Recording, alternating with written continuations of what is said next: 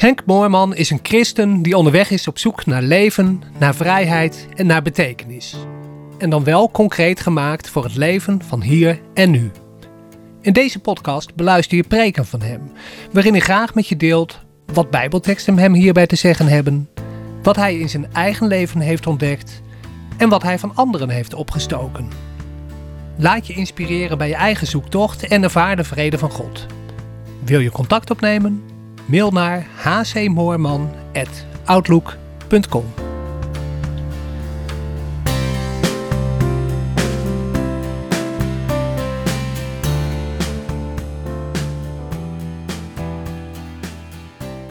Romeinen 8, vers 18 wou ik mee beginnen. Lukt dat zo snel?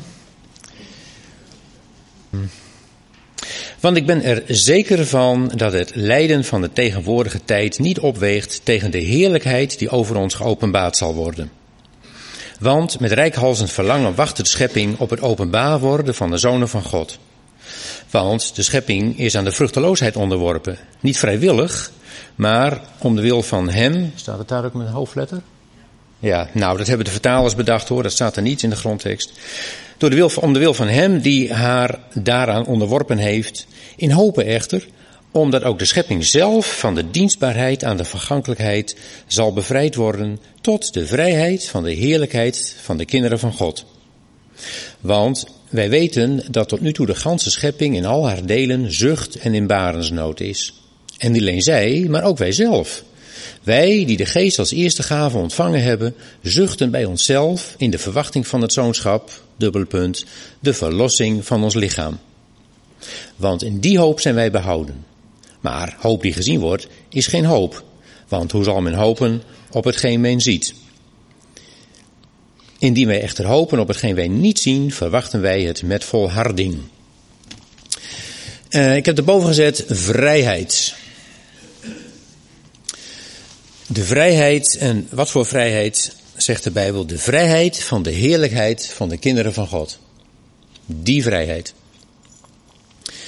Uh, daaraan, zegt Paulus, hebben wij deel, want wij hebben als eerste gave uh, die geest ontvangen, van die geest ontvangen.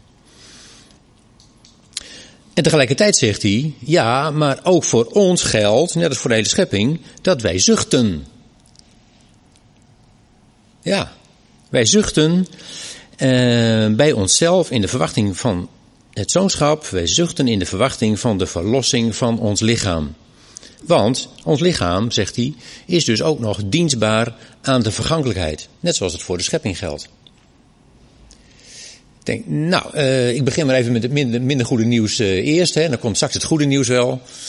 Uh, want wat zegt hij eigenlijk? Hij zegt, ja, jongens, de hele schepping zucht. Want is onderworpen aan de vergankelijkheid. In feite, uh, vergankelijkheid betekent dat het vergaat. Dat is vergankelijkheid. Dat het voorbij gaat, dat het vergaat. Uh,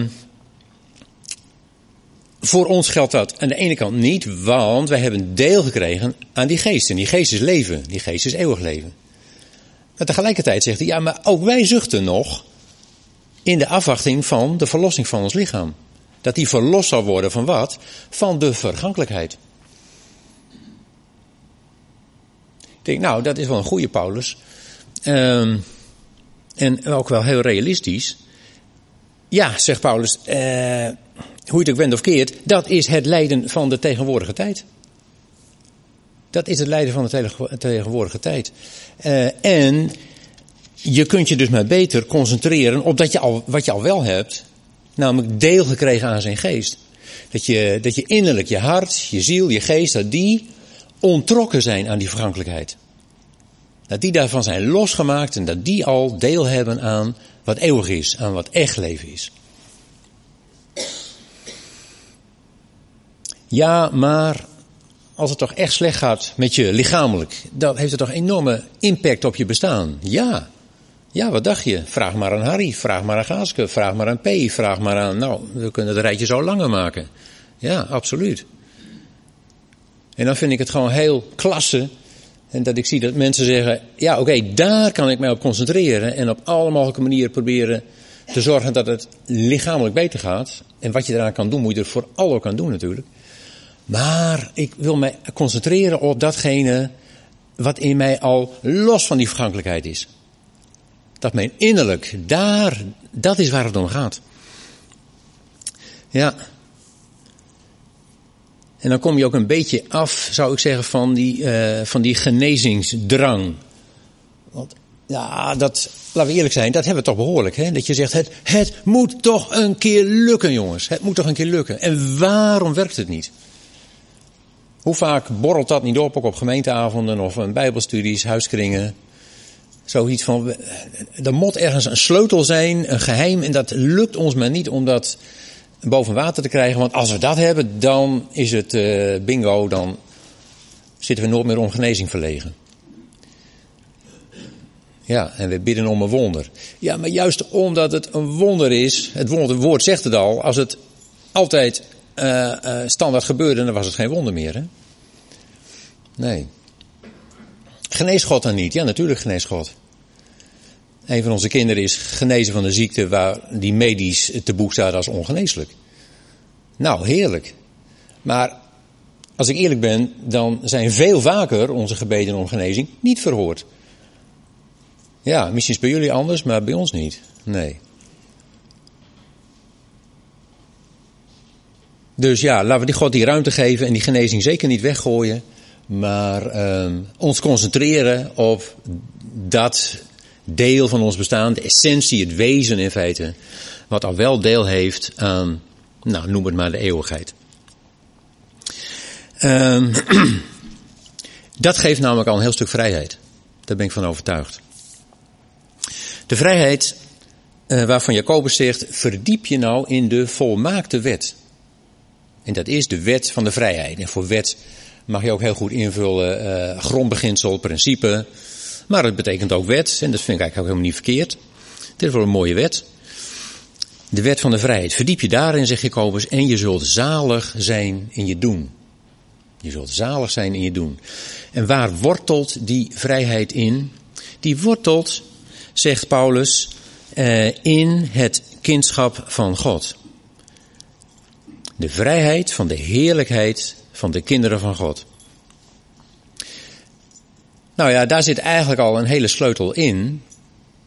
Kind van God. Het woord wat er staat in het Grieks betekent, uh, het Grieks heeft meerdere woorden voor kind, maar dit woord betekent voortkomend uit, voortgebracht door. Want kind kan ook gewoon betekenen een klein in tegenstelling tot volwassen. Maar hier staat het woord wat betekent voortgekomen uit.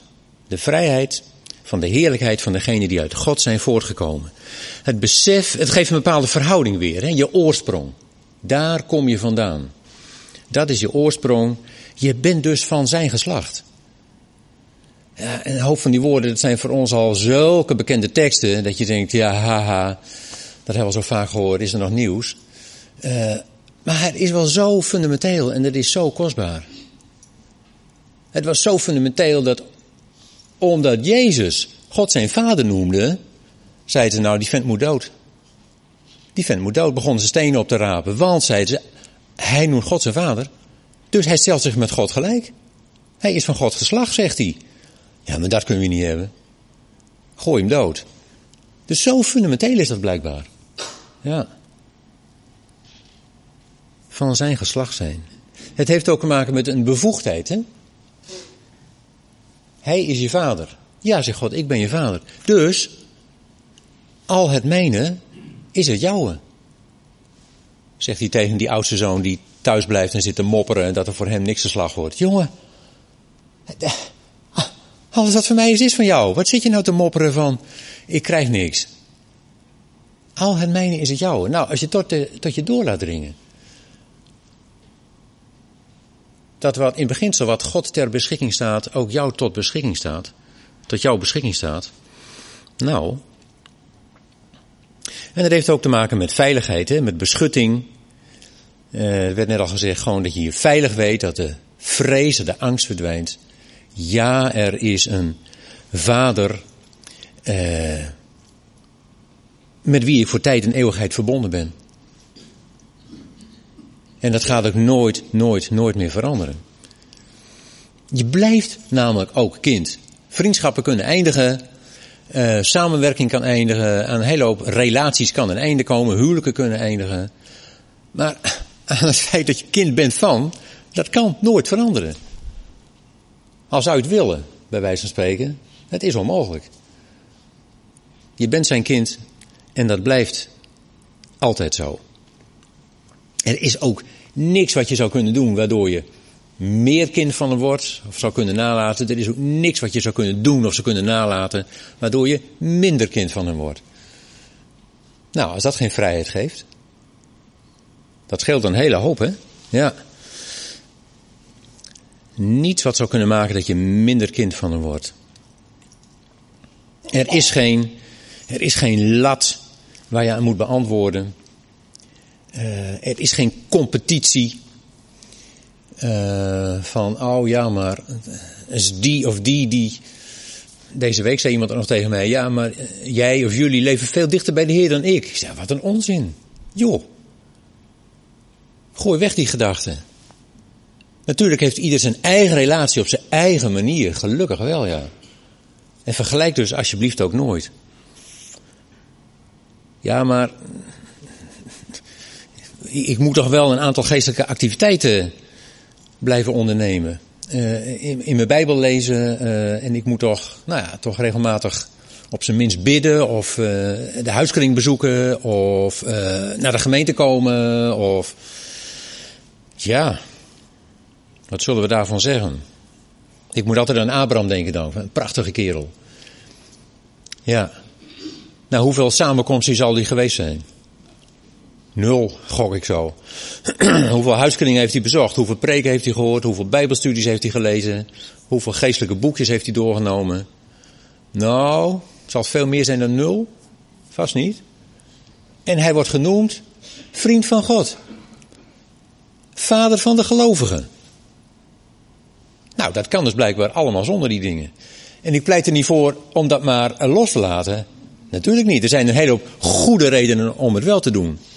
Maar een foute reden is als je denkt: oké, als ik dat maar voldoende doe, dan val ik bij God tenminste binnen de bandbreedte van hij is nog akkoord.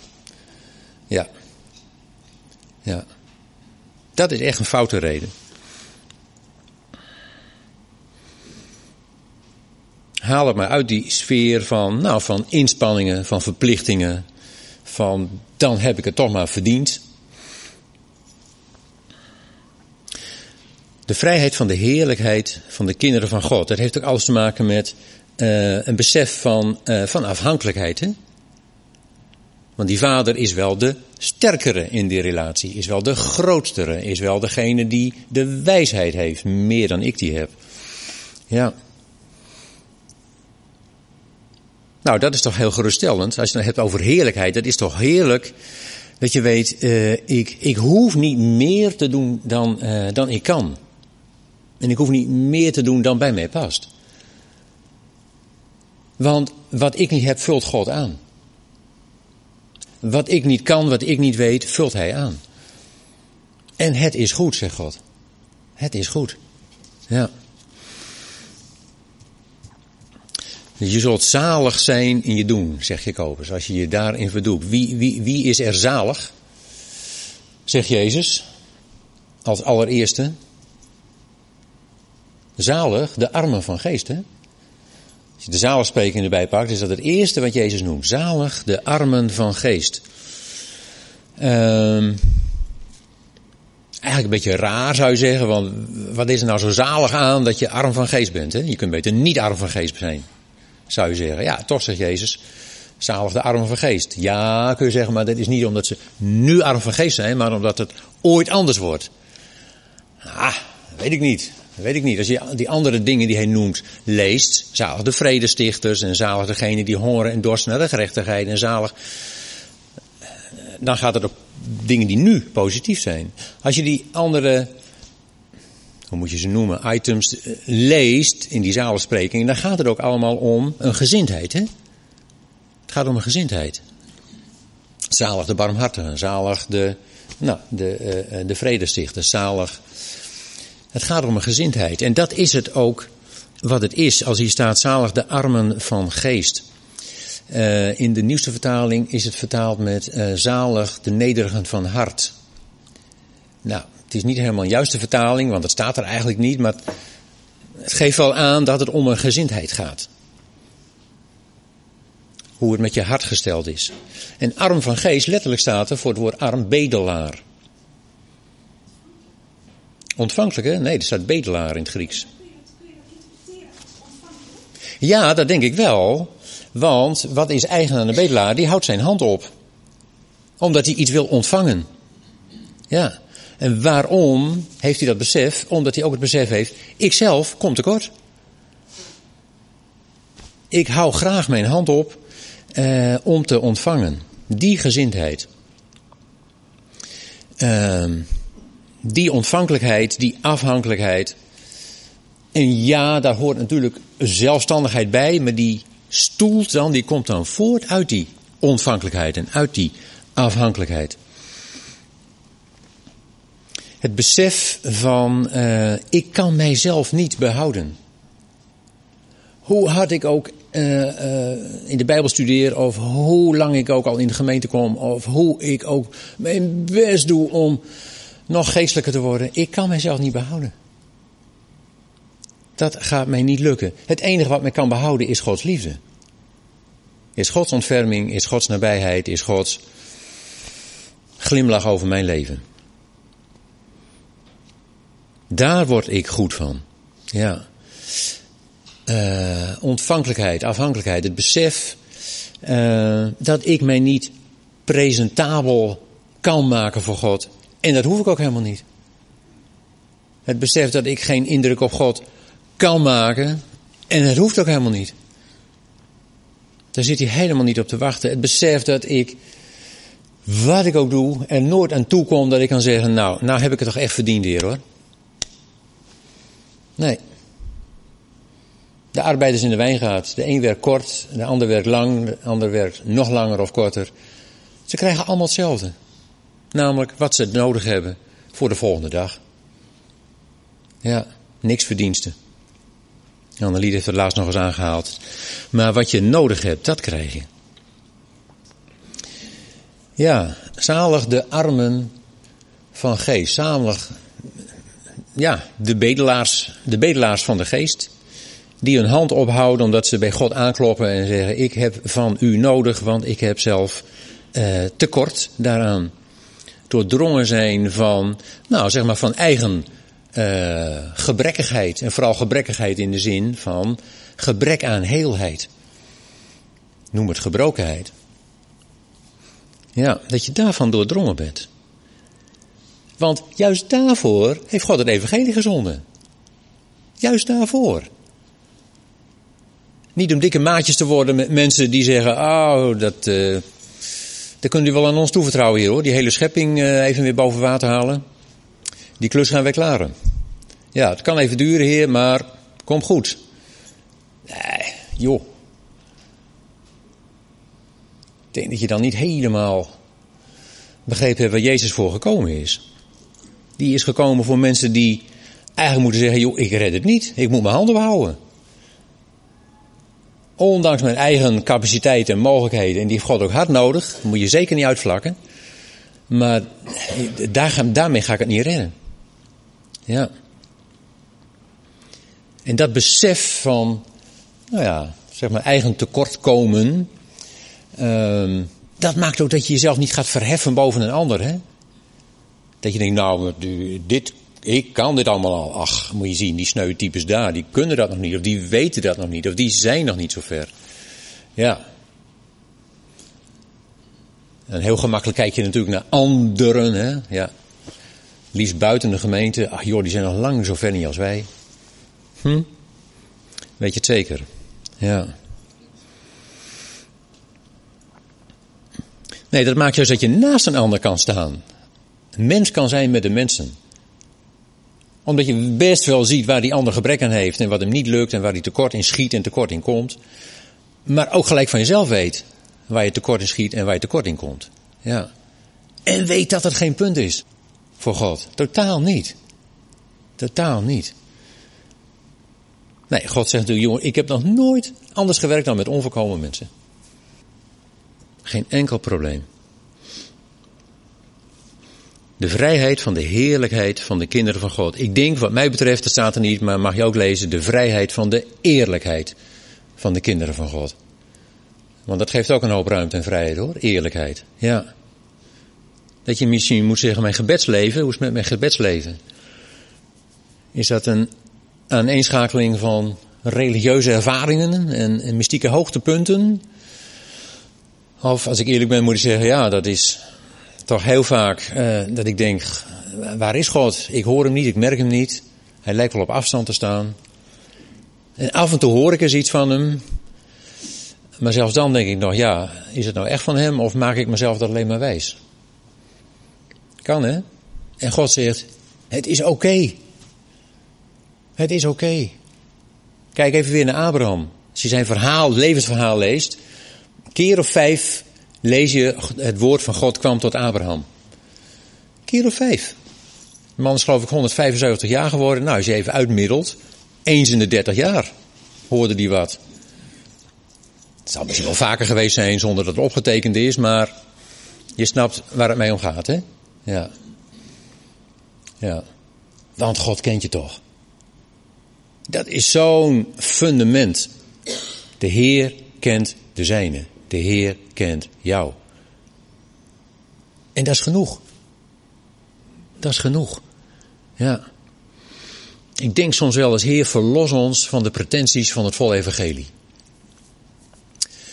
Moeten we alles aan weggooien wat we verzameld hebben? Nee, natuurlijk. Wat waardevol is, wat leven geeft, houd alsjeblieft vast. De kostbaarheden, de schatten van het koninkrijk. Ik heb het over de pretenties. Pretenties dat zijn dingen die je claimt, dat je ze hebt of dat je ze kunt. Maar je hebt ze niet en je kan ze niet. Nou, ik heb net over die genezing gehad. Je kan wel zeggen van, wij hebben de genezing. Ja, mag ik dan even de praktijk zien? De praktijk is dat dus, nou, ik noemde het net al, dat we regelmatig tegen elkaar zeggen, waarom werkt het niet? Nou, dan kun je beter als een Paulus, denk ik, nuchter zijn en zeggen, dat is het lijden van de tegenwoordige tijd, ja. Waarvan ik, Paulus, niet zeg, jongens, als we nou met allemaal met z'n allen maar de mouwen geestelijk opstropen en onze spierballen laten zien en hard genoeg bidden, dan komt het wel. Nee, hij zegt dat is het lijden van de tegenwoordige tijd. Wat kan ik er tegenover stellen? De heerlijkheid die wij nog te verwachten hebben. En voor de hele schepping is dat, uh, dat, dat ze verbonden worden met God. Dat zijn wij al. Voor ons is dat dat ook ons lichaam vrij wordt van de vergankelijkheid een deel zal hebben aan de onvergankelijkheid. Ja. Laten we ons daarop richten.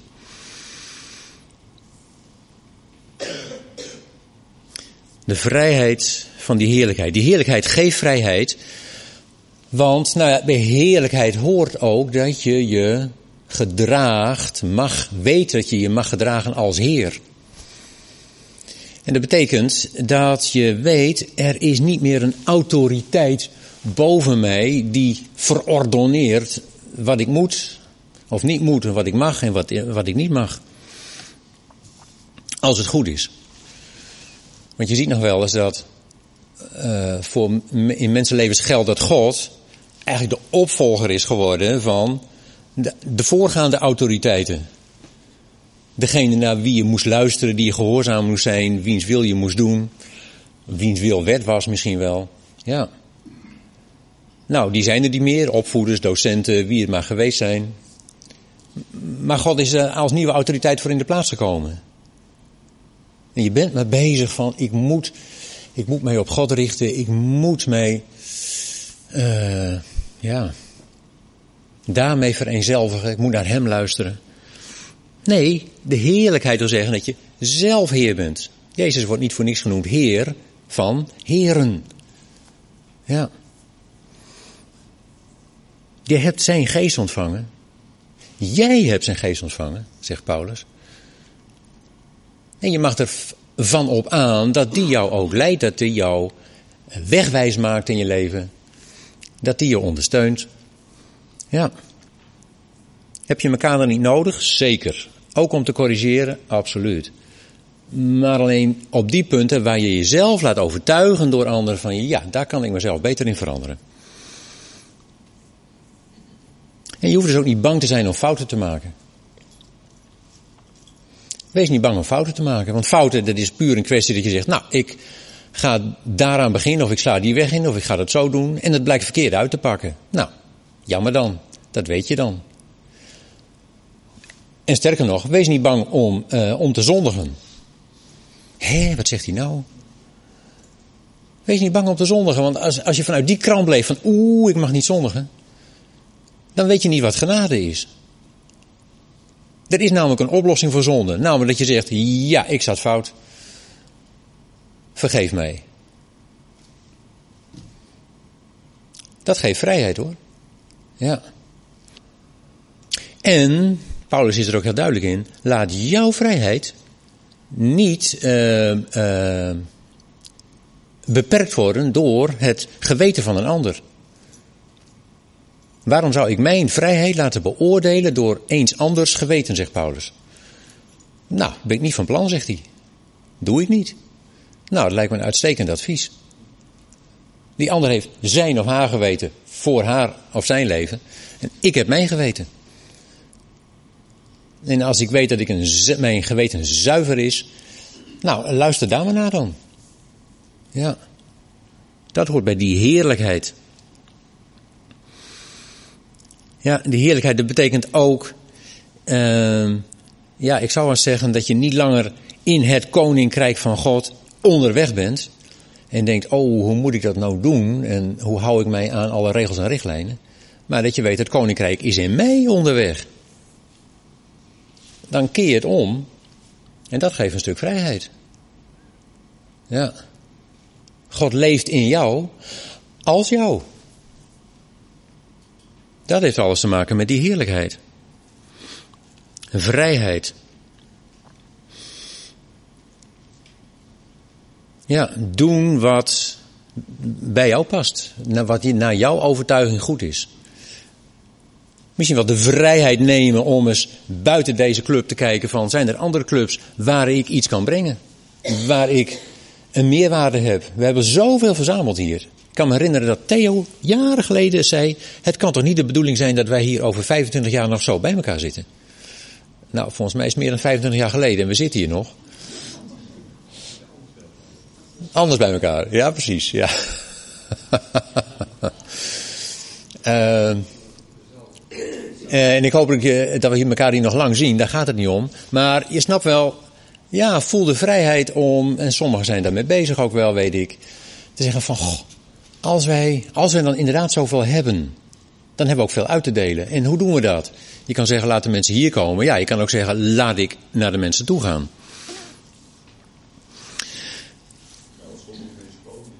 Nee, sommige mensen komen niet, zeker. Nee. Dus, uh, nou ja, Klaas heeft het vorige week al gezegd. Als je zin hebt om erover mee te denken, hoe kunnen wij naar buiten toe iets van laten zien van wat we hebben, onszelf laten zien misschien wel, uh, dan ben je welkom om mee te denken. Die heerlijkheid doet je beseffen wie je bent. Heerlijkheid wordt ook wel vertaald met luister, met lichtglans. Nou, die glans over je bestaan. Waar komt die glans vandaan? Dat je gewoon weet, ik ben een beminde. Ik ben een beminde. Ja, maar God. En dan kun je een hele hoop ja maars invullen. En God zegt, het enige, de enige reden waarom jij voor mij beminde bent, is omdat je mijn zoon hebt aangenomen. De eerste beminde. Dat maakt dat je voor mij een beminde bent. Ja. Dat ik graag met jou omga. Dat ik jou graag zie, zeggen ze in Vlaanderen geloof ik. Ik zie je zo graag. Ik hou van je, betekent dat. Ja. Wat zeg je? Oh, ik zie je gerne. Ja, precies. Ik zie je zo gaarne. Ja. Helemaal waar. Een beminde van de Vader. Nou, ik zou zeggen, vertel jezelf en vertel elkaar dat verhaal. En dat is het goede verhaal. In mensenlevens zijn zoveel bad stories, eh, treurige verhalen van wat er allemaal gebeurd is en wat, wat er is aangericht in mensenlevens. Nou, daar moet een ander verhaal tegenover staan. En ik denk dat wij geroepen zijn om elkaar dat te vertellen. Ik heb nog een gedicht. Daar sluit ik mee af. Een vroegere slaaf die men vrijkocht, die vindt dat zijn vrijheid niet zijn mocht. Hij loopt nog gebogen, hij kijkt naar de grond en vindt zich een slaaf van de Heer die hem vond. Hij vraagt steeds, wat wilt u? Wat mag ik niet doen? Zeg toch hoe ik moet leven om mijn schuld te voldoen. Maar de Heer die hem vrijkocht, die denkt niet in schuld, die doet niet aan slaven. Die is met liefde vervuld. Daarom zegt hij, mijn liefste, wees blij en verrukt. Laat je gaan en wees vrolijk. Ga niet langer gebukt, want ik gaf je de vrijheid niet om horig te zijn, maar omdat je kunt leven en gelukkig zult zijn. Dichte Ab Steenbergen al jaren geleden. Amen. Goed, zullen we bidden? Vader, wat zijn we blij dat we werkelijk bij u horen en u bij ons. Uh, en wat zijn we ook blij dat we mogen weten, ja, zoals Hanneke ook zei, het leven is lang niet altijd eenvoudig. En er kunnen een hoop dingen op je afkomen, maar u bent er. Al de dagen tot aan de voleinding, het einddoel, bent u daar. Dank u dat waarin wij tekortschieten misschien, of wat, waar wij gebrek aan hebben, dat u daarin voorziet. Dat u daar lang in heeft voorzien. En dat u ook niets liever doet dan te voorzien. Nou, vader, ik bid dat wij mensen durven zijn arm van geest. Die uh, een hand bij u ophouden in de vaste overtuiging dat u die vult met wat wij nodig hebben. Dank u, Vader, dat we uit die genade mogen leven. Amen. Wil je contact opnemen? Mail naar hcmoorman.outlook.com